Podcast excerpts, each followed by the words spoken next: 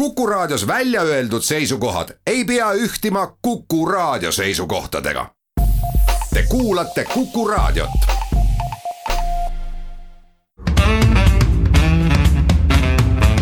muuli ja Riikoja tere päevast, head kuulajad, kell on seitse ja pool minutit üksteist läbi, et on reedene saade, siis äh, eetris ikka veel saade Muuli ja Riikoja ehk Kalle Muuli ja Indrek Riikoja. tere päevast. alustame tänast saadet äh, ootuspäraselt koroona teemadega. valitsus on kinnitanud oma eilse otsusega siis äh, hulga uusi koroonapiiranguid ja tasapisi, aga järjekindlalt liigume kevadisele olukorrale, ma pean silmas, silmas piirangute mõttes kevadisele olukorrale lähemale teiseks teemaks räägime siis abielureferendumist, esmaspäeval on riigikogu päevakorra sisuliselt ainus punkt äh, selle referendumi otsuse eelnõu esimene lugemine, noh seal siis selgub ka veidi seda häälte või jõudude vahekorda. räägime ka riigieelarvest kahe tuhande kahekümne esimese aasta omast, mis sellel sellel nädalal riigikogus kolmanda lugemise läbi heaks sai kiidetud. ega seal muidugi võrreldes varasemale räägitule nagu midagi juhtunud suurt ei ole. Võtame teemaks ka perehüvitiste seaduse, esiotsa siiski valitsuses läbi, läbinud, aga küllap ta jõuab ka riigikogus. Menetlusse, jutt käib siis ühest kriisiabinõust või, või kriisijärgsest abinõust, millega tahetakse kolmeks aastaks külmutada nii-öelda noorte emade palgad, et sealt ei läheks maha töötuna veedetud aeg. muuli ja Riikoja haigestumisnumbrite kohta oleme näinud sellel nädalal väga erinevaid numbreid, nii pisut üle kahesaja kui ka üle kuuesaja, viimasel ööpäeval on tuvastatud esmaseid positiivseid koroonajuhtumeid kolmsada viiskümmend kaheksa ja haigestumusnäitaja saja tuhande elaniku kohta viimase neljateistkümne päeva jooksul.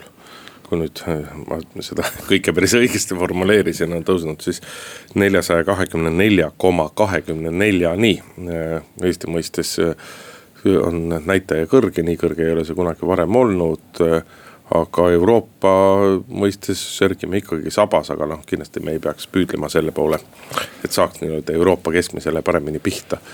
aga valitsuse uued piirangud, mis siis äh, eile heaks kiideti ja mis nädalavahetusel, mis uuest nädalast äh, kehtima hakkavad, äh, on juba küll nii-öelda nagu päris piirangute moodi piirangud, et Ida-Virumaa noh, sisuliselt võib öelda, et läheb lukku igal pool mujal on juba piiratud seda, kui kaua võivad erinevad meelelahutuskohad lahti olla.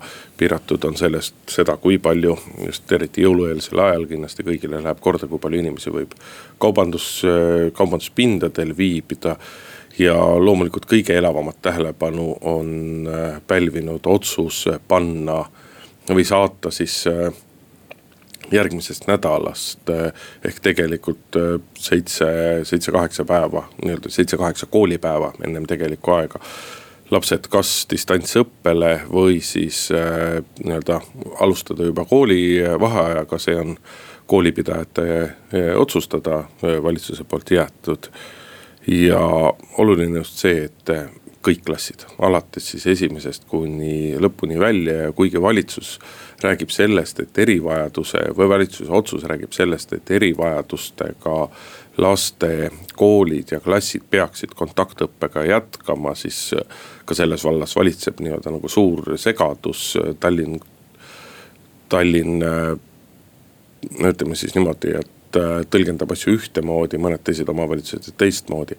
aga see, mis nüüd, see, mis puudutab koole, eelkõige algklassi koolis käimist see on muidugi küll üks põrsatemp ja ma ei ole kindel, kas valitsus ja poliitikud päris täpselt aru saavad, mida nad teevad neile kümnetele tuhandetele vanematele, kelle lapsed käivad algklassides ja kellel on nii-öelda väga, väga keeruline jääda koju, sest et noh, algklassi lapsed on sellised, keda sul on terveks päevaks keeruline jätta üksi koju ja eeldada selle käigus, et ta saab hakkama oma nii-öelda igapäevase olmega. aga et ta saab ka oma distantsõppe läbitud. Noh, kui, kui see puudutaks nüüd terveid nädalaid, nii nagu kevadel oli no sisuliselt puudutab see kahte nädalat. sisuliselt puudutab see viit päeva. ei, sisuliselt puudutab see kahte nädalat, Kalle, koolivaheaeg hakkaks kahekümne kolmandal, mis on neljapäev, eks on see nädal ja kolm päeva. jah, et kujutada ette, et nüüd kooliealist last ei, ei ole võimalik üksinda koju jätta, see on ka ikkagi kui ta ei ole tõesti erivajadustega ja erivajadustega peavad koolis käima. et kevadel oli meil ju mitmeid nädalaid see kool kinni oli, ma ei iske, isegi ei oska ütelda, kui, kui pikalt see aeg oli. ja, ja saime nagu hakkama sellega. nüüd äh, on, on sisuliselt nädal, jõuluviimane nädal on igas koolis mul on ka lapsed koolis käinud, on tegelikult kontserdite ja, ja muude etenduste selline. vot see ongi nagu hämmastav, et kõik, ega kui me ka valitsust vaatame, siis valdavalt, valdavalt seal ju enam nii-öelda väiksemaid, nooremaid lapsi ministritel ei ole, et. et jube kergesti on nagu ära unustatud see, et kuidas see elu siis on sul esimese, teise või kolmanda klassi eh, lapse kõrvalt. sa ei saa kevadega selles mõttes võrrelda, et kevad oli, kevadel oli kõik riik, kogu riik teistsuguses olukorras, et. et kõigi nende distantsõpete ja kõige selle juures unustatakse ära et jätkuvalt siiski enamus töökohti on Eesti Vabariigis sellised, kus ei toimu igapäevane töö arvutiga ja mida ei saa distantsilt teha ja, ja, ja, ja äh,.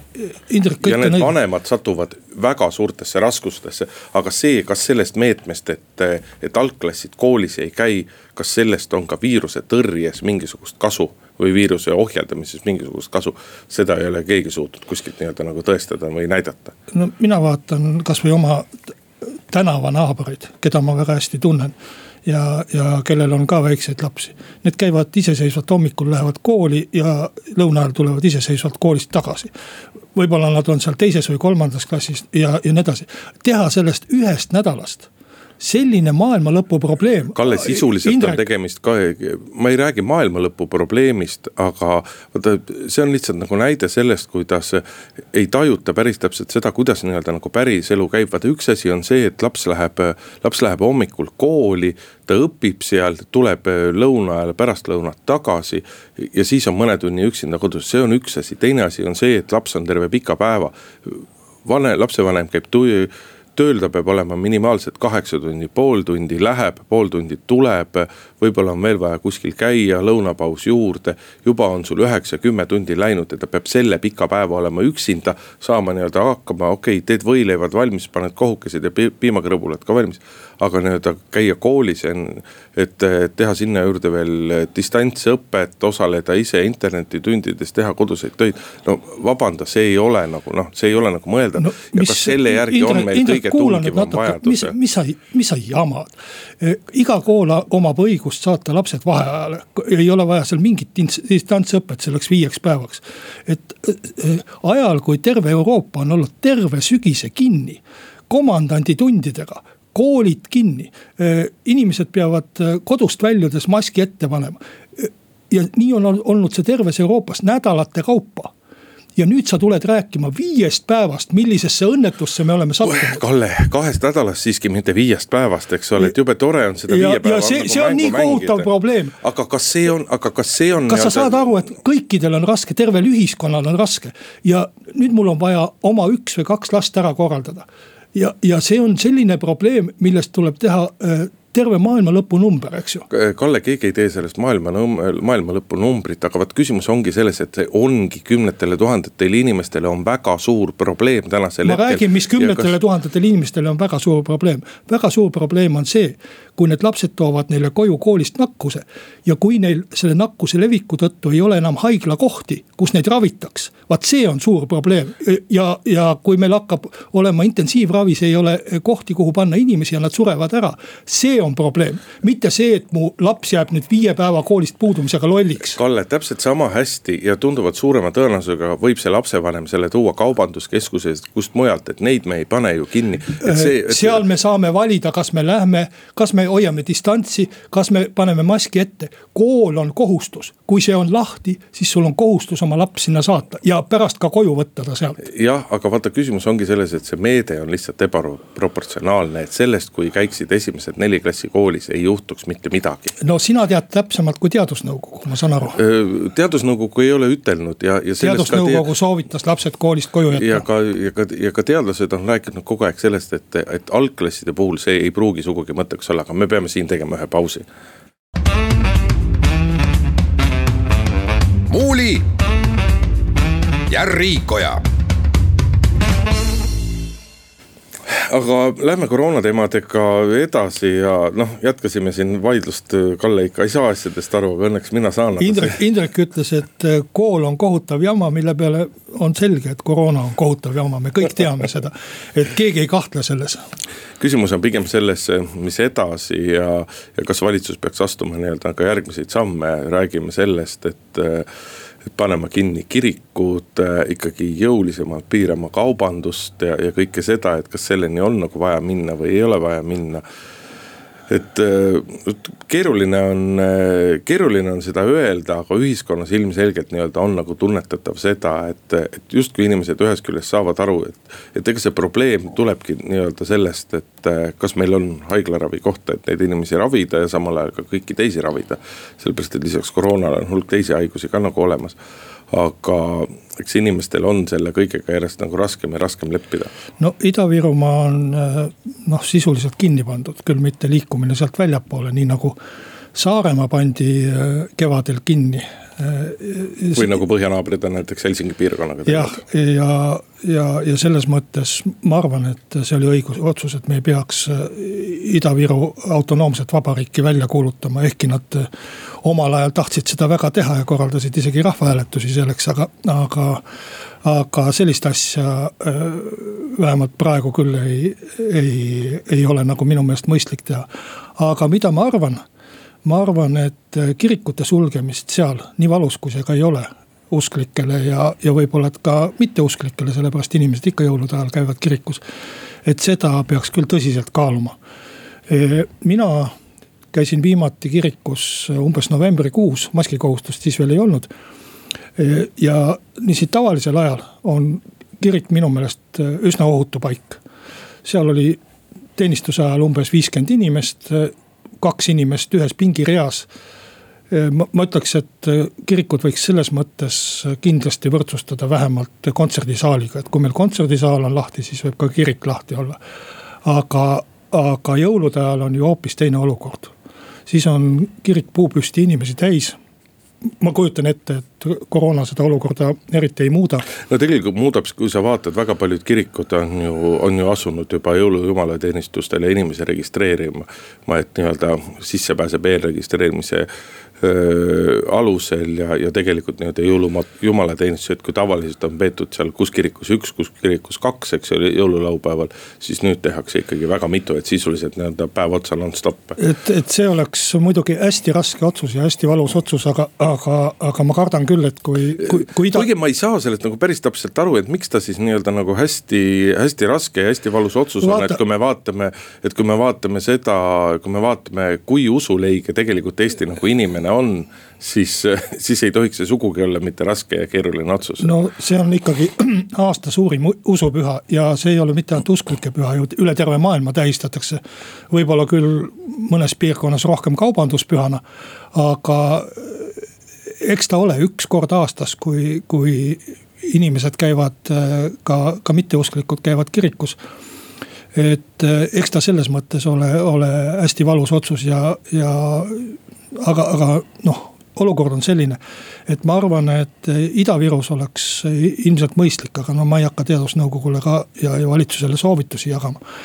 et aga, aga mis mind selle kirikute teema juures natukene nagu mõtlema paneb, on eh, see selline viha või vimm eh, usklike vastu, mis nagu välja purskus siis, kui öeldi, et kirikud jäävad lahti. et tegemist on ju ka ühe vähemusrühmaga. ja, ja eriti need, kes kaitsevad äh, vähemusi, mulle tundus, et olid hirmus tigedad kirikute peale. aga miks neile tehakse erand, miks usklikud on sellised? et äh, kui te ikkagi olete vähemusi kaitsmas, siis äh, kaitske kõiki vähemusi. ja, ja nende vähemuste õigusi ka, ehkki mina isiklikult arvan, et võib-olla, et Ida-Virumaal ei peaks sellist erandit tegema. ma ei tea, kas nüüd oli just sellist nagu vihapurset, et mina nagu sellist no, asja mingit... küll ei tajunud. aga pigem see oli noh, see tekitaski nii-öelda nagu selles mõttes nagu küsimusi, et, et, et miks üks valdkond jäetakse niimoodi nagu nii sellise nagu erikohtlemise järgi just nimelt. ei no poodi võid ka minna ja töökohata võid ka minna, et mingid asjad on siiski nagu avatud aga eks see kõige võti on ikkagi see, meie tuleviku võti on see, et kui kiiresti tulevad, kui kiiresti saab Eestis hakata vaktsineerima, praegu nii-öelda riigiametid on ju suhteliselt optimistlikud, et äh, jaanuari keskpaigas võiks hakata saama vaktsineerida ja et äh, nii-öelda riskirühmad ja eesliini töötajad võiks kuu-pooleteisega saada vaktsineeritud ja sealt edasi peaks siis vaktsineerimine ka tavalistele inimestele kättesaadavaks muutuma, et. Äh, ma muidugi nende tähtaegade suhtes olen selles mõttes natukene kõhklev, et kõik on ju tore, et on öeldud nii-öelda inimesi, kes, kes hakkavad vaktsineerima, nad peaksid läbima täiendava koolituse, kestab kaks-kolm, võib-olla neli päeva.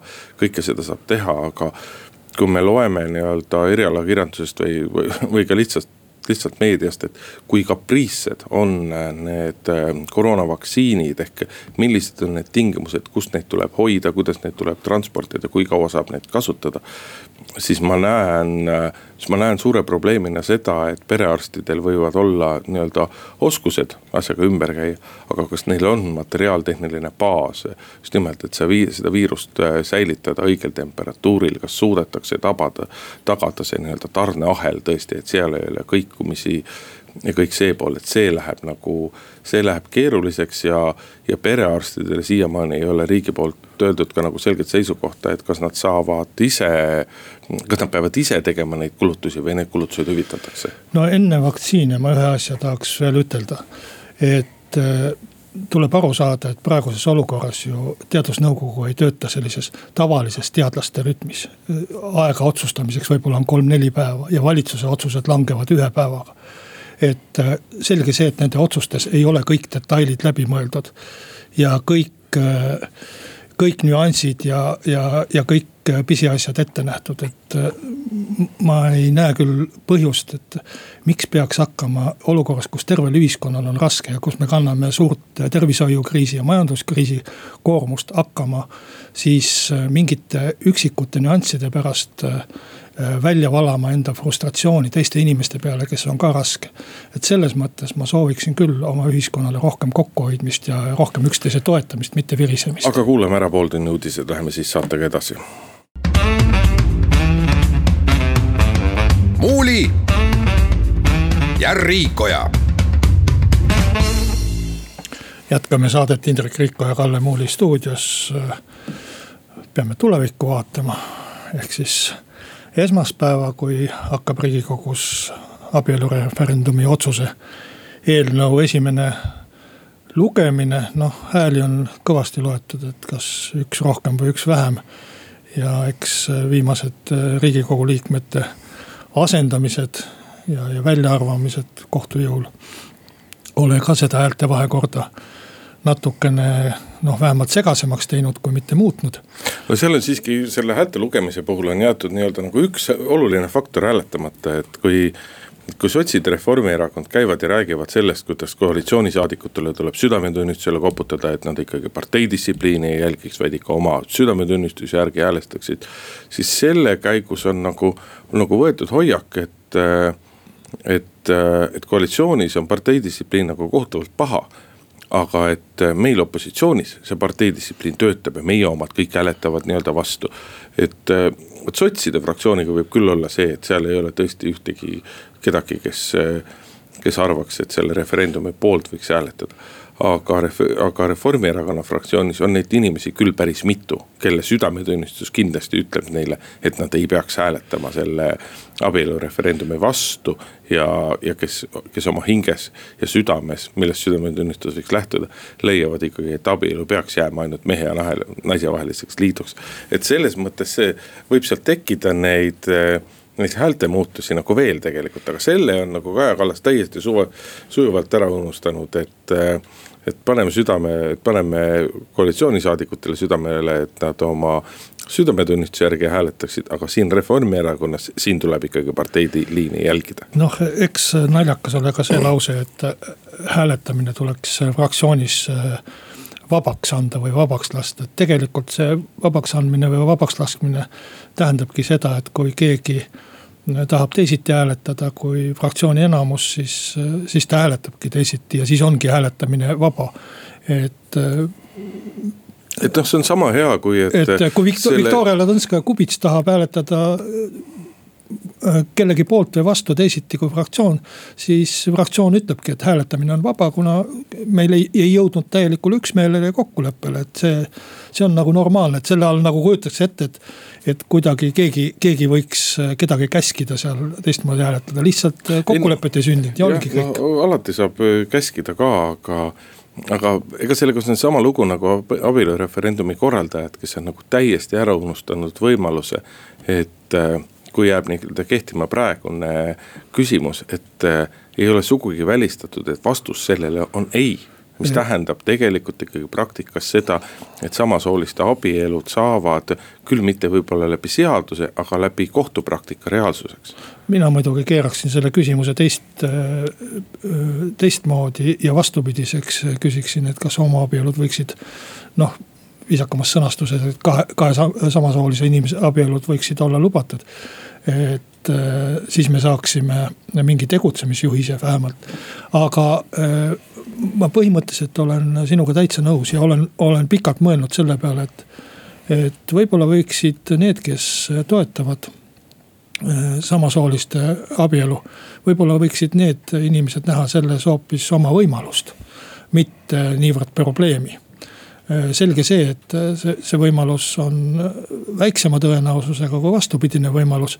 aga minu meelest ei ole see sugugi välistatud ja, ja, ja selles mõttes noh, ütelda, et tulemus on ette teada või, või kuidagi ette kavandatud, et mina küll nii kindel selles ei oleks. aga, aga see selleks, et tegelikult noh, kui me selle esimese lugemise peale või ka teise lugemise peale mõtleme, siis ega seal ju ei maksa seda üles kloppida kui, kui mingit sellist tohutu tähtsat ühiskonnaelu sündmust, et nüüd Eesti läheb hukka või, või. või saabub mingisugune taevalik õnn meie õuele, kui üht või teistpidi äh, hääletada, et ma arvan, et tegelikult ei juhtu.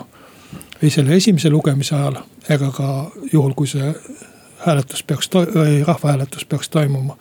ei juhtu midagi äh, ülisuurt ja see mõju ühiskonnale äh, noh, tervikuna äh, ei ole minu meelest äh, selline, mida me peaksime mingisuguseks sajandi või aasta sündmuseks pidama.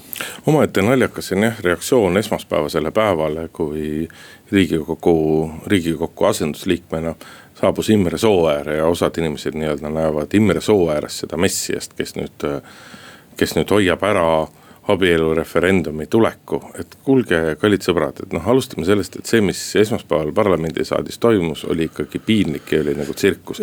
tohib, ma katkestan sind korra? ei tohi, oota okay., ma ennem ütlen ära ja, ja, ja piinlik tsirkus oli see nii Imre Sooääre kui EKRE saadikute poolt, sellepärast et üks arvas, et ta läheb läheb parlamenti kõnetooli esinema, edastab sealt mingit tohutut sõnumit, aga see jutt, vabandust, oli ju täiesti nii-öelda nagu sisutu jutt. ja teiselt poolelt see, et kuidas osad EKRE saadikud parlamendisaali nagu laadaplatsiks oma vahele hõikumisega muutsid. ja see, kuidas riigikogu esimees ei suutnud sellest kõigest asjast üle olla. et no kuule, kõige rumalam, mida sa nagu teha saad, on hakata kõneleja mikrofoni äh,, mikrofoni vaikseks panema, et noh, ei, ei, ei saa olla tobedamat asja, mida üks riigikogu esimees teeb. minu meelest see, mida ma tahtsin selle katkestamise ajal sulle ütelda, on. et juba see, mis toimus enne riigikogu äh, saali, oli täiesti naeruväärne, et. et lasta ajakirjanduse või ajakirjandus laseb ennast niiviisi manipuleerida, et iga tunni tagant tuleb uudis. nüüd üks asendusliige läheb liikmeks, riigikogu liikmeks või ei lähe ja siis ta veel võib muuta enda otsust, minu meelest. Äh, aga vot seal oligi jälle see, et, et noh, et nähti justkui, et, et Imre Sooäär oleks see, see, see, see kindel hääl abielureferendumi vastaste meepotis, et tuletagem sõbrad siiski meelde, et jah, tõsi, Imre Sooäär omal ajal küll algatas kooseluseadust aga siis, kui oli kooseluseaduse üle hääletamine riigikogus, siis ei olnud temal nii palju ütleme siis, siis ei olnud temal nii palju julgust, et selle asja poolt hääletada või selle häält vastu hääletada. selle pealt näi hops, oi ups, oli tal vaja täpselt hääletuse ajal saalist väljas olla, et äh, ja kui me loeme ka täna no,. Tege, tegelikult Indrek, ega, ega ta ei ole ju kaalukeel. et ka siis no,, kui, ka siis, kui me loeme ta kindlalt ühte leeri kuuluvaks ei ole ta kindlasti riigikogus praegu kaalukeel. ja selles mõttes noh, selliste sündmuste nagu riigikogu liikme vahetumise üleskloppimine äh, terve päeva äh, selliseks sisustamiseks äh, inimestel sellega. minu meelest ei ole see adekvaatne käsitlus, et see, sellel ei ole Eesti elule ja ühiskonnale nii suurt mõju, kui, kui seda meedias käsitletakse, et see on sääsest elevandi tegemine, esiteks. aga see, mis toimus riigikogus, tegelikult ma arvan, et see, mida Henn Põlluaas esimehena tegi. et see tuleneb seadusest. Äh, riigikogu liikmel äh, ma ei ütle, et see kodukord on hiiglama hea, minu meelest see on ajale jalgu jäänud. vot aga... see on muidugi huvitav küsimus, et jah, et, et mis see tema positsioon tollel hetkel oli, kui ta riigikogu, ma pean Imre Sooäärt silmas, kui ta kõnetoolis oli ja kõnet pidas, sest et ametivannet ei olnud ta sellel hetkel see, veel andnud. see ei puutu asjasse, sellepärast et ta oli juba riigikogu liige juba nädal aega olnud nimelt on seadus selline, et ma vaatasin ka, et kirjutatakse, nagu ta ei oleks olnud riigikogu liige, loomulikult ta oli. riigikogu liikmeks saab asendusliige riigikogu juhatuse otsusega ja selle otsuse langetab juhatus kohe pärast seda, kui keegi on lahkunud. ja see otsus oli juba nädal varem langetatud. sellepärast, et talle tuleb automaatselt nii-öelda asendusliige. E, jah, ja, ja, ja riigikogu juhatus oli selle otsuse langetanud juba minu meelest kolmekümnendal novembril. E, ja millegipärast keegi seda tähele ei pannud. aga see otsus oli olemas ja Imre Soo, e, seadus ütleb, et enne töökohustuste täitmisele asumist annab riigikogu liige vande. aga ta on juba riigikogu liige ja ta lihtsalt selleks, et saaks asuda oma töökoha kohustusi täitma, annab vande. nii et ta oli riigikogu liige seal puldis, aga seadus reguleerib väga täpselt, mida riigikogu liige võib äh, teha ja mida ta ei või teha saalis ja äh, kõned millal pidada kõnet ja kes võib pidada kõnet ja, ja kellele kõneks sõna antakse, seda annab juhatus. juhatuse esimees või riigikogu esimees, et see on kõik kodukorraga reguleeritud ja vande andmise juures ei ole mingit kõnet ja sel puhul peab äh, riigikogu juhataja, kes iganes see parajasti on, äh, talle tegema märkuse Äh, kui see märkus ei aita, siis äh, katkestama selle ja lõpuks on ka kodukorras öeldud, et äh, keerama mikro või panema mikrofoni kinni. Enn Põlluaas põhimõtteliselt järgis seadust, aga, aga noh aga kõik see mõjus väga tobedalt ja, ja pigem oleks. sellist palagani ei oleks tegelikult riigikogu vaja. see ei... alandab meie riigikogu mainet ja, ja, ja hästi piinlik lugu. et midagi ei oleks juhtunud sellest, kui oleks lihtsalt lastud tal nagu lõpuni rääkida, et et keegi ei oleks saanud millestki, millegi poolest rikkamaks ega ka mitte vaesemaks, aga teeme siinkohal veel väikese pausi. muuli ja Riikoja. Läheme oma saatega edasi, Kalle Muuli, Hindrek Riik jätkuvalt stuudios, riigikogu kiitis siis kolmapäeval heaks järgmise aasta riigieelarve, mille tulude, kulude maht on kolmteist koma üks miljardit eurot ja tulude maht üksteist koma kolm miljardit eurot, ehk siis äh, vahe on üks koma kaheksa miljardit eurot, mis on eelarve miinuses ja ega siin mingisuguseid väga nii-öelda nagu olulisi muutusi nüüd äh, viimasel ajal tekkinud ei ole. et noh, seda eelarvet võib hinnata nii ja naamoodi, loomulikult kindlasti on õige see, et seal võiks olla rohkem mõeldud võib-olla investeeringutele ja kõigele sellele aga nii nagu kipub iga riigieelarvega ikka olema, et koalitsioon kiidab, opositsioon laidab praktikas on eelarves reaalset mänguruumi valitsusel võib-olla heal juhul viie protsendi ulatuses. ülejäänud nii-öelda valdav osa sellest eelarvest on ju tegelikult varasemast lukus läbi erinevate seaduste, määruste, ettekirjutuste ja mille kõige veel. ja et noh, see eelarve ei oleks väga palju teistsugune, kui oleks võimul mõni teine koalitsioon. no selle eelarve kohta nüüd erandina võib-olla kahekümne viiest või kolmekümnest varasemast, mida Eesti äh, iseseisvuse ajaloos on tehtud, võiks ütelda, et. et siin on valitsusel olnud äh, palju rohkem mänguruumi, et terve see kaks ja pool miljardit või, või palju seda laenu seal vist isegi kaks koma üheksa äh, on võetud, et see on ju tegelikult vaba raha mida on olnud või.... no ei ole päris vaba raha, suur osa sellest rahast läheb ju tegelikult ikkagi nii-öelda jooksvate kulude katmiseks ja asjade katmiseks, mida, mida peaks nii või naa tegema, aga mille jaoks praegu tuludest katet ei tule. pigem ikkagi, pigem ikkagi naa, et see on olnud valitsuse otsustada, et kui me vaatame investeeringute hulka siis äh, suur osa sellest on äh, ikkagi valitsuse otsus, et see ei ole seadustega ette nähtud nagu pension või.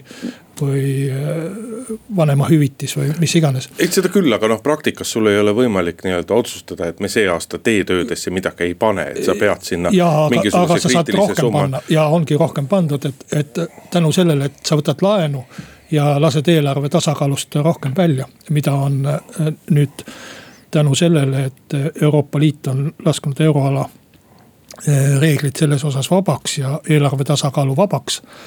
Eh, ei nõuta enam eh, endiste näitajate täitmist, et tänu sellele on seda mänguruumi rohkem olnud. minu jaoks selles eelarves on, on kõige tähtsam asi see, et teadusrahastus tõusis ühe protsendini. see oli, ma ei tea, kui kaua unelm. Teine asi on riigikaitsekulude tõstmine, tõstmine kahe koma kolme koma kahe koma kolme protsendini. eriti kui. SKP-st. E-, e-, eriti kui meenutada, millega see riigieelarve kulude arutelu algas, see algas ju sellest, et osad valitsuse koalitsiooni osalised raiusid, et see ei tohi mitte mingil juhul üle kahe protsendi minna. mis tähendas reaalsuses ju vähendamist. Ja noh, see, et seda on tehtud Äh, nii raske majanduskriisi ajal, see on, ma arvan, et, et kümne aasta pärast, kui keegi kirjutab äh, tänavusest aastast, siis meenutatakse just äh, seda. et, et ma arvan, et see on selle riigieelarve kindlasti nagu positiivne külg. aga kui tuua nagu negatiivset esile, siis ma peaksin opositsiooni tsiteerima, eks ju. Sealt Jürgen Ligi vist väitis umbes midagi sellist, et Eesti on ainus riik Euroopas, kes halvendab oma eelarvepositsiooni või ma nüüd ilmselt tsiteerin natukene valesti, saan jälle pahandada. aga tegelikult ju, kui me hakkame mõtlema nende asjade peale, eelarve tasakaal, eelarvepositsioon, mis iganes, siis mis meile tähtis on, kas meil on tähtis meil, et meil on eelarvepositsioon või meil on tähtis, et meil oleks võimalikult vähe töötuid, et meil oleks võimalikult palju investeeringuid, mida, mida pakkuda e, e, eraettevõtjatele. E, kasvõi mingisuguste ehitustööde käigus, et see, et meil on mingisugune eelarvepositsioon halb see on köki-möki selle kõrvalt, kui inimesed on töötud. no lihtne küsimus, et kas riik on inimese jaoks või inimene on riigi jaoks ja eks natuke sealt see nii-öelda veelõhe jookseb ja selles mõttes. mitte, et valitsust väga südamlikult armastaksin, aga, aga selles mõttes need lähtepunktid on enam-vähem olnud õiged. muuli ja Riikoja no üks teema, mis äh, kindlasti haakub äh, veel äh, nii majanduskriisi kui ka tervishoiukriisiga on, on perede ja laste saatus ja, ja üks, üks selliseid mõjureid, mida eelmise majanduskriisi ajal ei osatud arvestada või, või ei saadud arvestada, oli ka see, kuidas, kuidas majanduskriis mõjub meile rahvastikule kuidas ta mõjub sündimusele ja kuidas ta mõjub rändele. väga paljud Eesti inimesed pidid eelmise majanduskriisi ajal oma kodumaalt lahkuma Soome tööle. noh, siin nende numbrite üle on vaieldud, et palju siis läks kriisi pärast ja palju ilma ja palju üldse läks.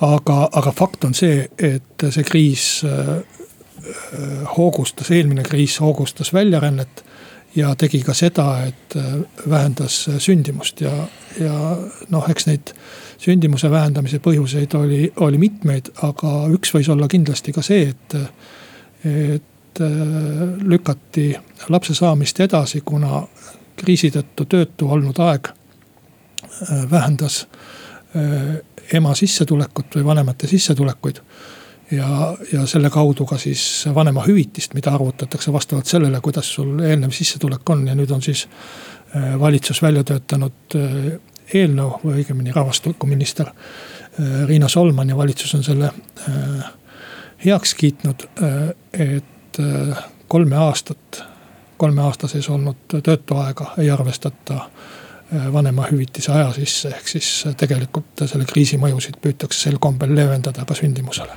no siin on tulnud juba esimesed kriitilised noodid, et kuidas jälle Solman et kristlasest Solman jälle ajab oma konservatiivset perepoliitikat ja nii edasi nii edasi nii edasi. tulebki ajada. aga noh, kas kas alati tuleb ajada, aga põhimõtteliselt küll, sellepärast et see kõlab nii-öelda nagu karmilt, aga ega siis riigi seisukohast ei ole ju tegelikult miski muu olulisem kui see, et oleks võimalikult, et sünniks võimalikult palju lapsi, et tulevikus oleks võimalikult palju maksumaksjaid. ja et nad saaksid võimalikult nagu hea hariduse, et selles mõttes kõik meetmed, mis, mis on suunatud nii-öelda nagu laste kasvatamisele ja laste saamisele, et need siiski olemuslikult on kahtlemata nagu positiivsed ja. ja, ja, ja, ja mulle meeldib eh, ka see, et, et ka selles antud eelnõus, mis siis eile valitsusest eh, heakskiidu sai ja valitsusest läbi käis, et seal see. see ajaperiood tõmmatakse päris pikaks, et eh, kuigi noh minu arust võiks see tegelikult olla alaliselt niimoodi, et kui lapse, et kui nii-öelda arvutatakse ema palka välja, siis kui inimene on olnud vahepeal töötu. siis seda perioodi ei arvestata sinna sisse ja sealseid sissetulekuid ei arvestata seal sisse, sest et inimestel ikka tuleb ette. et nad on mingisuguse aja nagu töötud, et, et see suund on, see suund on kahtlemata õige. no ma natukene korrigeeriksin sind, ehkki ma põhimõtteliselt olen nõus, ma arvan, et sündimus ja, ja rahvastiku selline taastootmine ja iive, loomulik iive on absoluutselt Eesti riigi kõige tähtsam küsimus lähimatel kümnenditel, mitte ainult praegu aga ma, ma päris äh, maksumaksjana ei, ei käsitleks ainult lapsi, ehkki nad ilmselt tõenäoliselt on tulevikus ka maksumaksjad. no vot seda ma ütlen, et see kõlab nagu kalgilt, aga. maksumaksjatega on see asi ja riik ei käsitle neid ka ainult maksumaksjatena, maksumaksjatega on see asi, et maksumaksjaid me võime ka sisse tuua. Äh, ja, ja võime neile siin tööoskusi õpetada või mis iganes, aga mina käsitlen lapsi siiski oma rahvana. ja, ja see, see on äh, hoopis midagi muud kui, kui ainult maksumaksja olemine. nii et äh, sellise parandusega, et äh, maksumaksjaid me saaksime mujalt ka, aga lapsi saame ainult sel teel, nagu nad tulevad. aga siinkohal tõmbame tänasele saatele joone alla, Kalle Muuli, Hindrek Riik olid stuudiost, nädala aja pärast kuuleme jälle ilusat nädalavahetust. muuli ja Riikoja